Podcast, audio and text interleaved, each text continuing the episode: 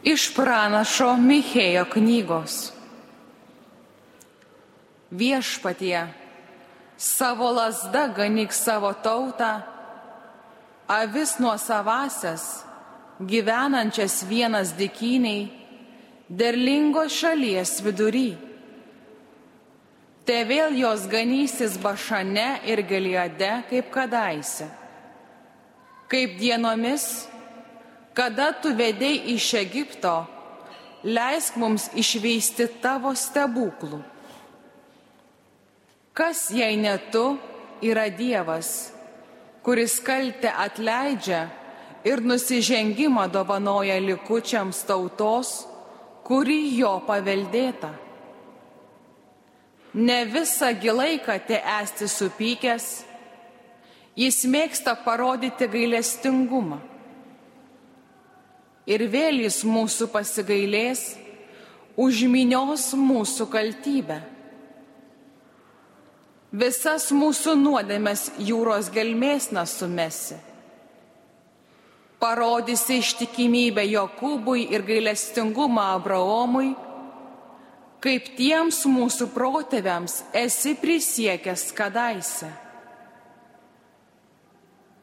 Tai Dievo žodis.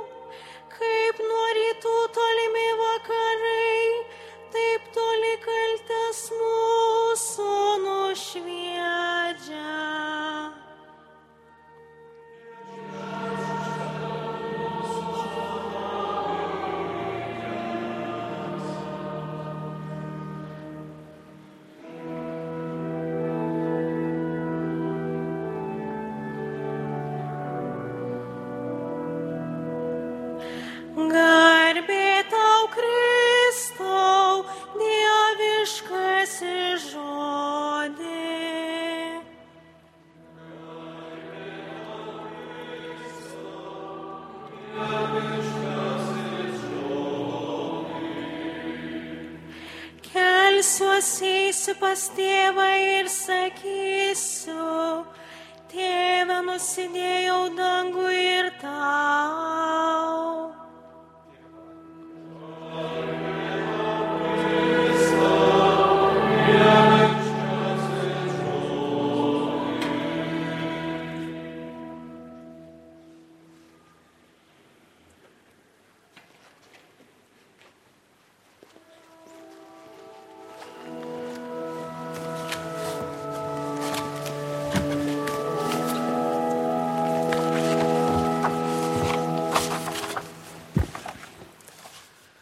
Viešpat su jumis.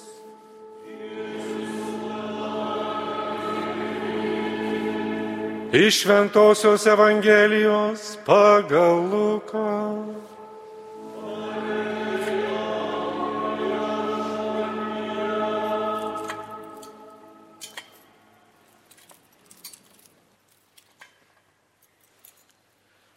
Anuo metu pas Jėzų rinkdavosi visokie muitininkai ir nusidėliai jo pasiklausyti.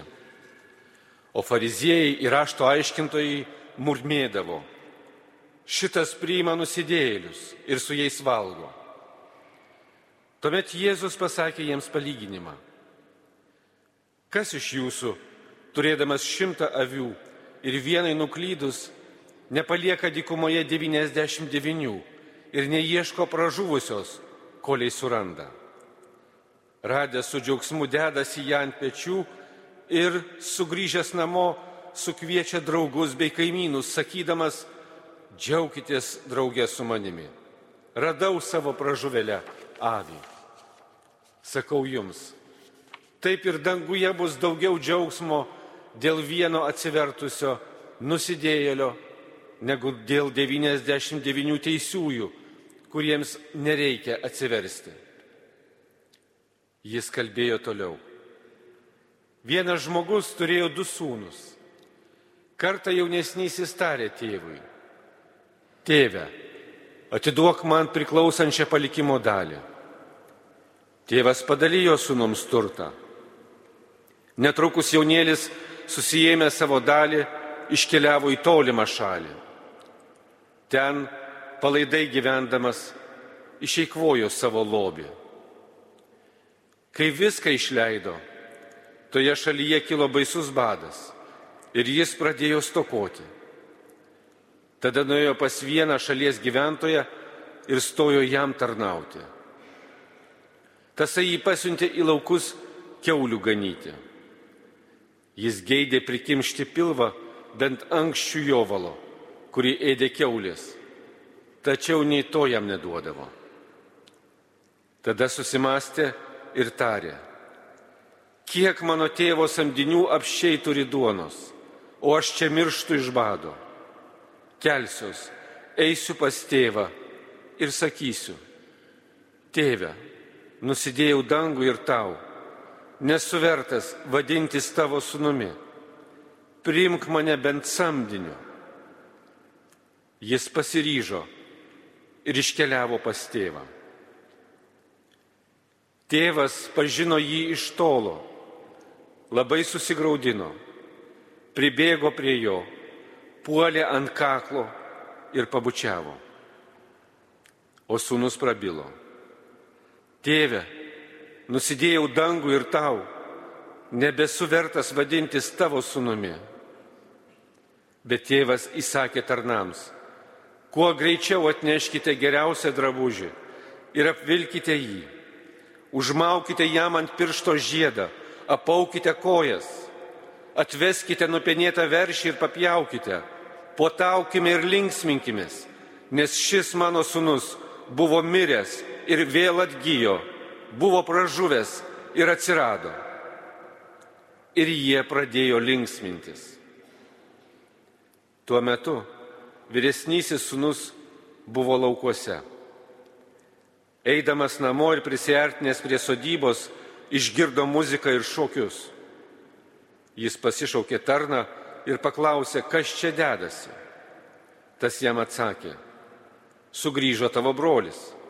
Tai tėvas liepė papjauti nupenėtą veršį, kad sulaukė jo sveiko. Tada šis supyko ir nenorėjo eiti namo. Tėvas išėjęs pradėjo jį vadinti vidun, o jis atkirto tėvui. Štai jau tiek metų tau tarnauju ir niekad tavo įsakymo neperžengiau, o tu man nie karto nesidavęs nei ožiuko pasilinksminti su draugais. Bet vos tik sugrįžo šitas tavo sunus, praryjęs tavo į turtą su kekšėmis, tu to jau jam papjoviai nupenėtą veršį. Tėvas atsakė, vaikeli, tu visuomet su manimi ir visa, kas mano, yra ir tavo. Bet reikėjo potauti bei linksmintis, nes tavo brolis buvo miręs ir vėl atgyjo, buvo žuvęs ir atsirado. Tai viešpaties žodis.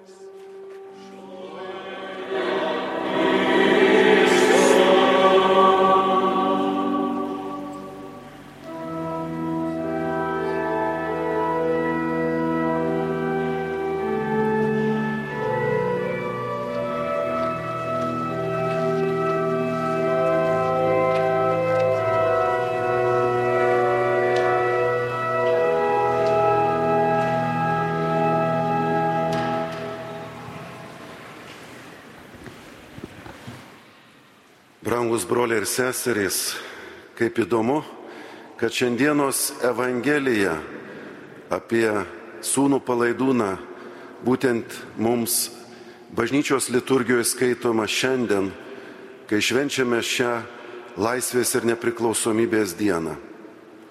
Dažnai šią progą yra kalbama apie sūnų, apie jo pasirinkimą, apie tolimą šalį ir nuodėmės tikrovę, dramą, atsitolinimą nuo Dievo.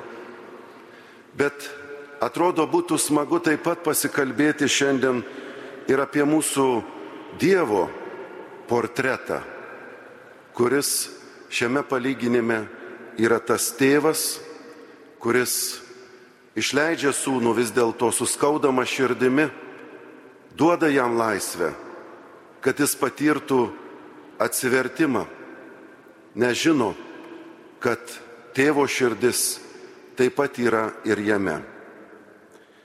Tėvas simbolizuoja Dievą, kurio prigimtis yra duoti, jo esmė meilė. O jaunesnysis sunus reiškia mus visus, nusidėlius, kurie dažnai iškeliaujame į tolimą šalį. Mums Dievas yra dovana Mes jį turime patys tik tiek, kiek save atiduodame. Galėtume sakyti, tame akimirksnyje esame pilni Dievo. Kuo daugiau atiduodi, tuo esi panašesnis į tėvą. Bet duoti reiškia būti laisvam, tai daryti. Todėl esi laisvas tik tiek, kiek turi savyje Dievo. Ir atvirkščiai, kuo daugiau tavyje nuodėmės, tuo labiau esi supančiotas. Laisvė yra drąsa duoti. Graikų kalbos žodis tolima šalis, kuris naudojamas originalo tekste, chora makra, pažodžiui reiškia didžioji tuštuma. Šventasis tėvas Jonas Paulius II suformulavo principą, kurį galėtume pavadinti dovanos dėsniu. Tavo būtis didėja tiek, kiek ją atiduodi. Tai įvyko ir su mūsų tėvinė Lietuva. Gerai atsimenu tą 90-ųjų kovo 11-ąją, kai visi prie televizorių ko ne visą dieną stebėjome karštas diskusijas aukščiausiojo taryboje skelbti nepriklausomybę dabar, nes kitos tokios palankios progos gali ir nebebūti, ar tenkintis vadinamu suverenitetu, bijant sovietų susidorojimo. Pamenu ir tuometinio aukščiausiojo tarybos pirmininko Vytauto Landsbergio pergalingų žodžius. Jau dienai besibaigiant po balsavimo kad Lietuvos nepriklausomybės aktas priimtas. Sveikinu aukščiausią tarybą, sveikinu Lietuvą. Koks didis džiaugsmas buvo stebėti salėje kylančią trispalvę, girdėti gėdama tautišką giesmę. Buvo sekmadienis, kada bažnyčia mini mažasias Velykas prisimindama Kristaus prisikėlimą. Atrodo, kad tą dieną pats dangus buvo nusileidęs ant Lietuvo žemės. Nepaisant visų grėsmių mūsų tautai, su jos išrinktais atstovais prieš akiją pakako drąsos siekti be kompromisinės laisvės ir atkurti nepriklausomybę. Dovanoti drąsiai šiam kraštui tai, ko tiek daug mūsų protėviai, broliai ir seserys kovoja už tai ilgėjosi. Su jokiais kompromisais nesitaikstanti laikysena išgelbėjo Lietuvą. Šiandien ji gelbsti ukrainiečių tautą ginant savo laisvę ir tėvynę nuo Rusijos sukalto karo. Ukrainiečiams jau nekarta siūlyta susitaikyti su Krymo ir Donbaso praradimu, ieškoti kitų kompromisų taiktai pasiekti. Tačiau, remiantis ir Lietuvos patirtimi, belieka palinkėti ir toliau būti laisvės bei tiesos pavyzdžių pasauliui ir jokių būdų nenuleisti laisvės kartelės. Šiandien ir mums patiems verta vėl prisiminti tą drąsą, kurią tądien degėme, nes kyla pagunta leisti laisvės kartelę žemyn, jau kitose srityse. Pavyzdžiui, dėl šeimos sampratos, siekiant įteisinti tos pačios lyties asmenų partnerystę ir ją prilyginti santokai, leisti kartelę dėl gyvybės apsaugos nuo pradėjimo akimirkos iki natūralios mirties, užuot plėtus pagalbos tinklą, krizinį neštumą patiriančioms moterims, joms siūlant medicamentinį abortą. Galiausiai leisti kartelę, susiduriant su pagunda legalizuoti narkotinės medžiagas, taigi meluoti savo ir ypač jaunimui, jog jos yra saugios ir plačiai visuomeniai priimtinos. Vis dėlto tai leidžiamos laisvės kartelės pagunda. Laisvę atsiedami nuo tiesos ir atsakomybės tiesiame kelius į jos praradimą. Ne chaosas, kai leidžiame viskas, bet kaip tik dieviška prigimtinė tvarka ir tiesa mus išlaisvina nuo mūsų pačių silpnumo, nuodėmės, beprasmybės ir suteikia gyvenimui prasmės krypti. 2006 metais popiežius Benediktas XVI, kalbėdamas Europos parlamento nariams, sakė, pagrindinis tikslas, kurio katalikų bažnyčia siekia tardama žodį viešojoje arenoje, yra asmens orumo apsauga bei skatinamas. Todėl jis sąmoningai skiria ypatingą dėmesį principams, dėl kurių nevalia diskutuoti. Šiandien tarp jų aiškiai išnyra šie - gyvybės nuo prasidėjimo momento iki natūralios mirties apsauga, šeimos natūralios struktūros kaip santoka, pagristos vyro ir moters sąjungos pripažinimas bei skatinimas ir jos gynimas nuo bandymų padaryti ją teisiškai lygiai reikšmę visiškai skirtingoms sąjungoms formoms kurios iš tikrųjų jai daro žalą ir prisideda prie jos destabilizacijos, aptemdydamos jos ypatingą pobūdį bei nepamainomą socialinį vaidmenį. Tėvų teisės auklėti savo vaikus apsauga. Šie principai nėra tikėjimo tiesos, bet jei jie tikėjimo ir geriau apšviečiami bei patvirtinami, jie įrašyti tiesiog pačioje žmogaus prigimtyje ir todėl būdingi visai žmonijai. Tad bažnyčios pastangos juos skatinti nėra konfesinio pobūdžio, bet skirtos visiems žmonėms, nepriklausomai nuo jų religinės priklausomybės. Tokios, tokios pastangos jo reikalingesnės, juo labiau šie principai neigiami ir neteisingai suprantami, nes tai yra nusižengimas tiesai apie žmogaus asmenį, rimta žaizda daroma pačiam teisingumui.